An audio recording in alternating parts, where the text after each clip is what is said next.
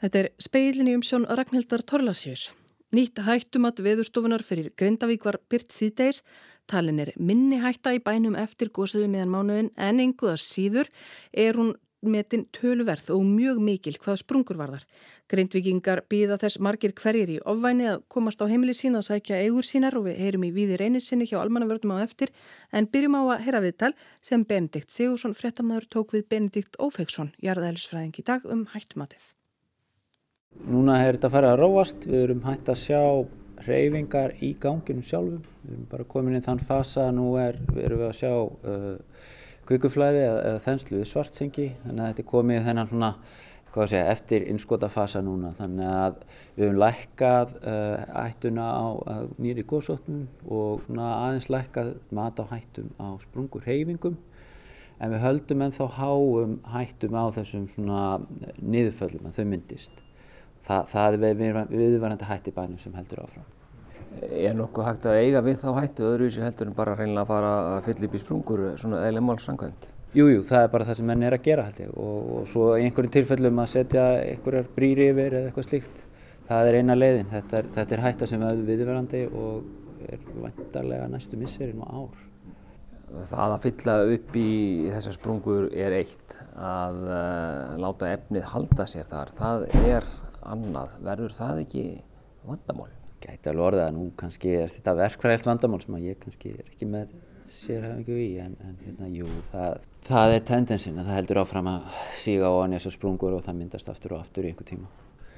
Við erum bara komin aftur í þennan byggtíma. Nú erum við með landins við svartsengi, kvikuflæði þar, um, það er matið á rúmmálu sem er komið þar inn er kannski eitthvað einn fymti eða minna af því magnir sem fór inn í kveikugangi núna 14. Eh, eh, janúar. Þannig að við svona eigum vonaði að kannski þurfa, já, því svona einhver byggtum upp á nokkra, þrjár, fjórar vikur eða nokkrar vikur allavega. Þið getið eh, framreiknað innrennslið og nokkur nöginn getið ykkur til um það hvenar þetta verður orðið fullt? Já, við hefum ágættið skorður á rúmmálsbreytingunni og hvenar er komið svipa rúmmál eins og fór síðast en svo er náttúrulega óvissunum það hvort þetta hægir sér aftur þannig þannig að það er náttúrulega bætir tjálsveit við óvissunum en við erum með nokkuð góða skorður á rúmálunum og það virðist vera ágætið smæli hverði núna og hvena þarf að fara að hafa ágjör á næsta gósi En maður horfur aðeins tilbaka þá sér maður pínlítið taktin í þessu það er, er 10. november mm -hmm. það er 18. desember það er 14. janúar mm -hmm. þetta eru svona nokkra vikur á milli Já. og þetta gæti orðið takturinn svona næstu missurum að svona að öllu óbreyttu? Já, það myndir alltaf þess. Það er ekkert að draga úr inflæðinu eða landrísinu þannig að það er mjög líklegt að þetta verður bara takturinn næstu missurin, næstu, allavega næstu mánuði. Mögulega einhver, einhver ár en það tímur er að lega það ljós. Og hvaða sprungur eru þá líklegast til að taka við þessu og skilja þessu upp á yfirborðið? Sko, um, Það er náttúrulega erfitt að átta sig á því hvenar til dæmis er komið það mikið af kviku undir Grindavík og þar sunna til þannig að það komist ekki lengur meira ángað þá fer þetta vantilega að leita meira að norður eða mögulega bara koma beint upp á þess að mynda neitt verulegan kvikugang. Það er kannski það sem þetta endar á. Mjög svipið þróum var í kröflu þar sem þetta byrjaði með stórum innskotum svo síðustu, síðustu atbyrjunum voru stór gós sem mynduði ekki stóra ganga það er svona einn allavega möguleikin en hvort þetta hafa sem svo krablaði en ekki veit, það verður bara komið ljós.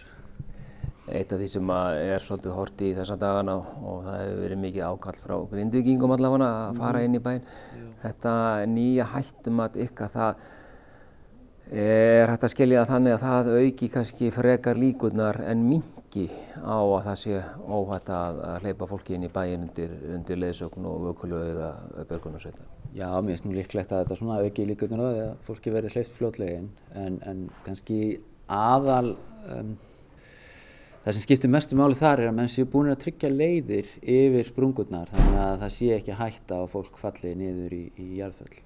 Þannig að það er kannski ekki á veðustofinni heldur verið aðra að svara fyrir það Já, það eru ekki eldgós sem slikt sem er, er, er mest að hætta nakkurat þessa, þessa dagana heldur auðvitað hitt sem þú bendir á að það eru þessi gímöld sem geta verið þarna víðast undir. Já, já, það er aðal hættan og þegar menn eru búin að tryggja það þá ætti nú held ég að fólk fólk að fara að geta komist þarna inn. Og þetta sagði Benedikt Ófegsson, jæraðilisfræðingur í viðtali við nafna sinn Benedikt Sigursson. En við erum komin í samband við Skóarlíð og Viði Reynisson, sviðstjóra Almannavarna. Sælu blessaði viðir. Kondur sæl. Já, hvenar geta greindvikingar komist heim að sækja eigur sínar? Já, þetta er náttúrulega eitt af stóru verkefnunum að, að, að fólk komist heim að huga húsum sínum og huga eignum sínum og, og einhverjir, einhverjir þurfa að sækja eh, búslóð, það hafa fengið íbúðir núna í þessum, þessum síð, á síðustu vikunum. Mm. Staðan er, er þannig að, að það má segja skipta bænum einn alveg í tvent að vestan víkubröytar og austan víkubröytar og, og svæðið austan víkubröytar er, er mun varasamara og, og við erum stittra komin í viðgerðum og, og yfirferði yfir það svæði. Það gengur betur hinnum einn en það var það uh, miklu minni sprungur og svona fljóti yfir farnara þar og fljótleira að, að gera við það sem það er að gera við þar. Uh, við erum með stöðufund í, í fyrramálið þar sem við ætlum að fara yfir yfir stöður og allir þeim þáttum sem þurfa að vera í lægi til að hægt sé að, að, hérna, að fara inn í bæin og, og ef að það gengur allt saman upp að þá er stemt að því að, að kynna á morgun svona dagskrá fyrir íbúana vestan víkubröytar uh, að fara inn. Og við erum búin að skipta því svæði upp í hólf og ætlum að, hleypa inn í inn á hólfin uh, með skipulegum hætti þannig að fólk, fólk sér. Við munum kynna þetta vel hvernig þetta verður fólk sér vel hvernar það þá hvenar það, það á möguleika að koma inn? Og þetta verður stuttur tími í, í þessari svona fyrstu bylgu sem við ætlum að, að reyna að, ef allt gengur upp að, að gera það allir, allir fóðu tækifæri til þess að huga að húsin sínum hann að Vestanvíkubröðurinnar um helgina. En, en þetta kemur einlega ekki ljósun á morgun. Veðrið er búið að gera okkur erfitt fyrir í viðgerðunum og, og það og hafa verið að sjást sprungur og, og er að renna á sprungum í dag. Þannig að, að staðin er svona eins og Benedikt sagði, hún er svona ótrygg að þessu leiti, það er, það er alveg ljósta, það eru sprungur undir í jörð sem við erum ekki farnir að sjá en, en við erum að keira þetta verkefni sem við kynntum hann um daginn með að, að, að fara með þessa jarðsjári yfir og, og lesa, reyna að lesa hvað er undir og, og, og tólka þær, þær myndir sem þar koma og til þess að geta þá tekið, tekið skarpar ákvarðanir. En okkur sýnir svona öllu að, að hérna, það séu mikla líkur á því að að það sé hægt að, að, að sinna einhverjum, einhverjum eigum á,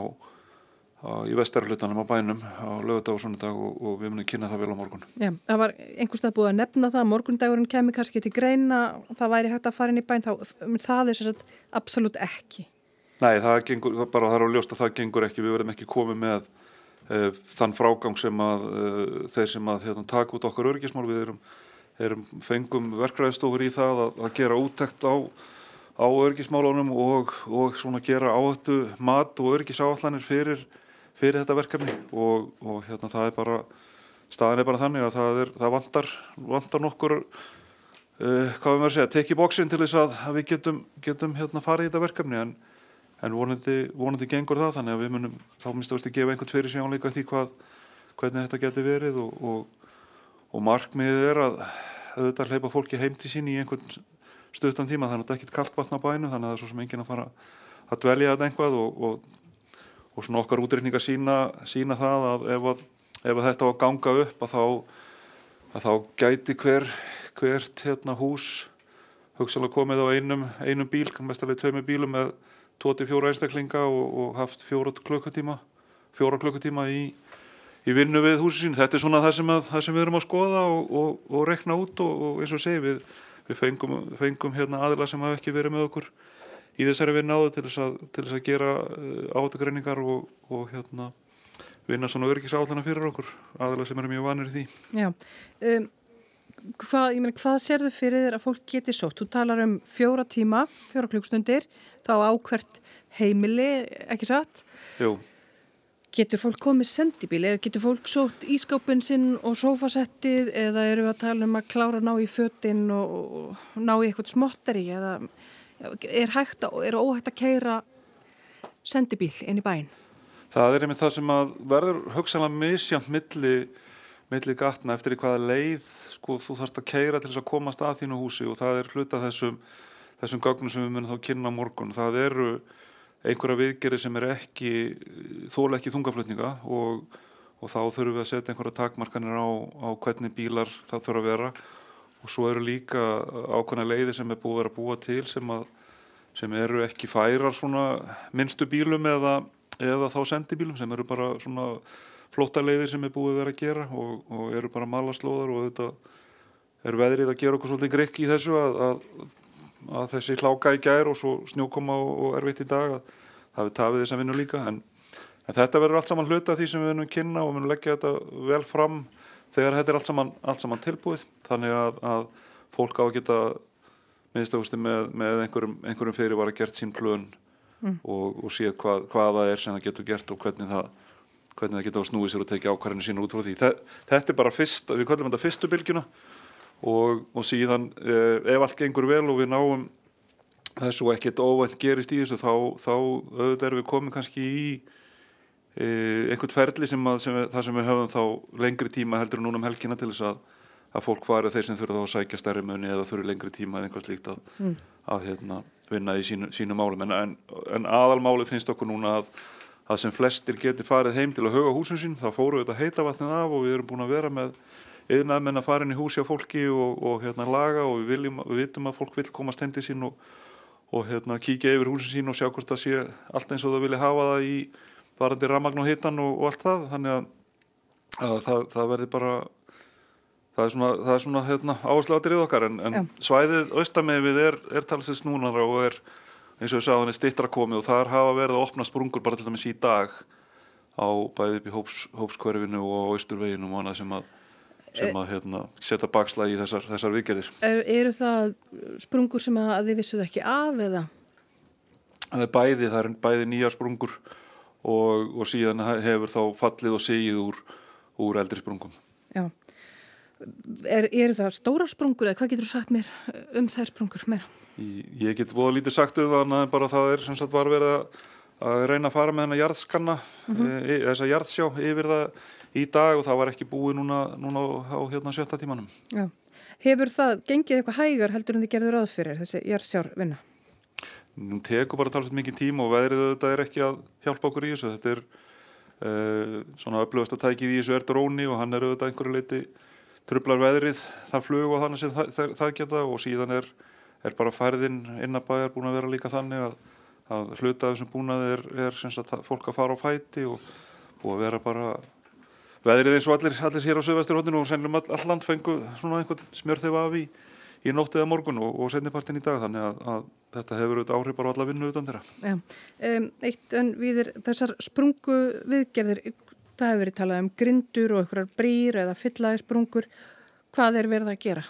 Hvað, það er verið Já, það er bara verið að gera allt. Við erum búin að smíða, uh, held að séu konar tvær svona stálbrýr sem, sem færilega til að leggja við sprungur við erum líka, það er verið að skoða það að, að taka svona gámafleti uh, og, og nota það sem, sem brýr yfir, yfir ákvæmna sprungur og það, það er bara verið að, segi, verið að gera allt og, og hérna horfa á, á þessa hluti frá eins mörgum sjónurhóttum hægt er og, og leita, leita lausna hjá, hjá reyndu fólki til þess að koma með hugmyndir og útfærslu sem að sem að virka og, hérna, verður þess aðlis að, að það séu örgar.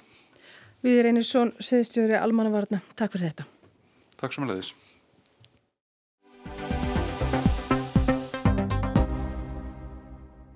Bændum í Fraklandi fækkar stöðugt, stjettin eldist og afkoman versnar. Þetta er ástandið sem bændur búa við í stuttumáli. Þeir segast vera búin að fá nóg og krefja stjórnvöldum aðgerðir.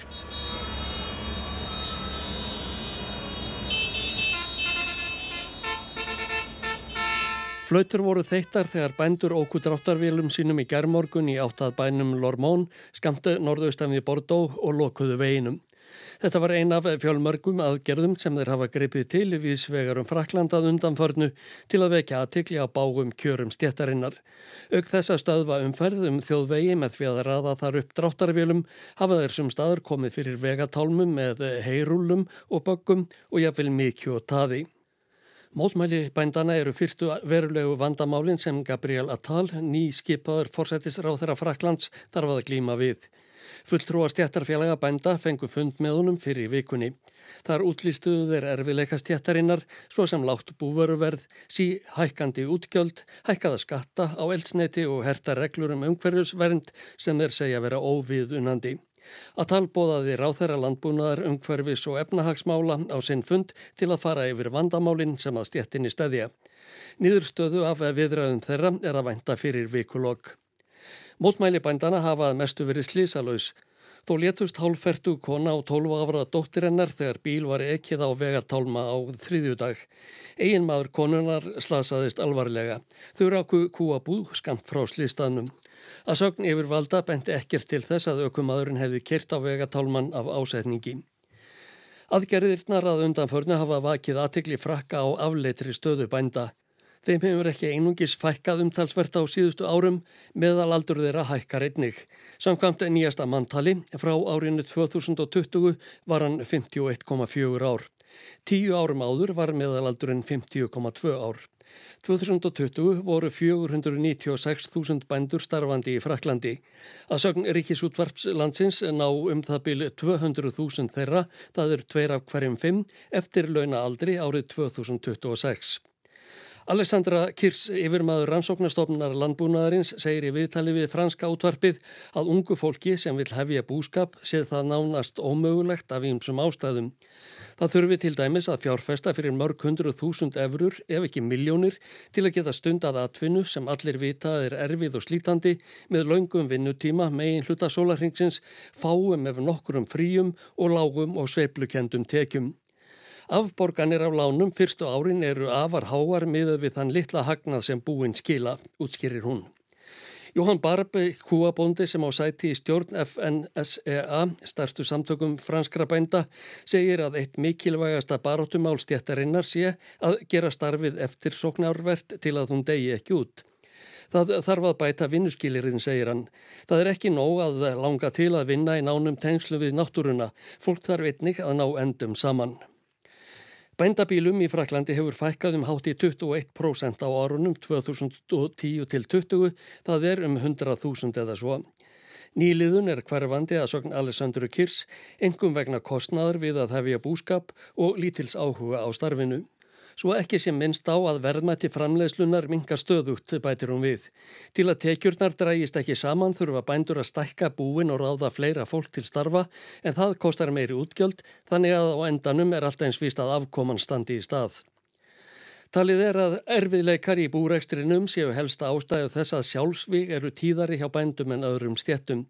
Samkvæmt gögnum helsta tryggingafélags franskra bænda voru þau 43,2% tíðari hjá bændum á aldrinum 15 til 64 ára árið 2020 en að landsmeðaltali. Fátækt er einnig viðvarandi í stjettinni. Gögn fransku hagstofunar sína að 17,4% eru undir fátæktarmörkum. Það eru hátt í tvöfalt fleiri en landsmeðaltalið segir tilum. Ástandið meðal bænda er slemt víðar í Evrópu en í Fraklandi. Þískir bændur hafa emt til mótmælað undanförnu. Sömuleiðis hafa starfsbreður þeirra í Litáen, Pólandi og Rúmeníu látið gremju sína í ljósi og krafið stjórnvöldum aðgerðir. Frankvamda stjórn Evrópusambandsins tók málið upp á fundi í dag. Úrsula von der Leyen, fórseti framkvamda stjórnarinnar, sagði að vandin yrði ekki leistur nema með samræðu og samstöðu. For example, how can we elevate the standard of living for farmers and the attractiveness of rural communities? Hvernig getur við til dæmis bætt lífskjör bænda og aukið aðdráttarafleð dreifbílisins, spurðum. Hvernig eigum við að gera landbúnaðin sjálfbæran?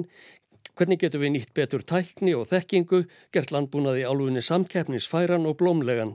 Við þessum spurningum verðum við að finna svör. Ásker Tómasson saði frá. Fleira er ekki í speklinum. Tæknimaður var Mark Eldredd. Hlustam á þáttin í spilar okkar á rúf.is og helstu hlaðvarpsveitum. Verðið sæl.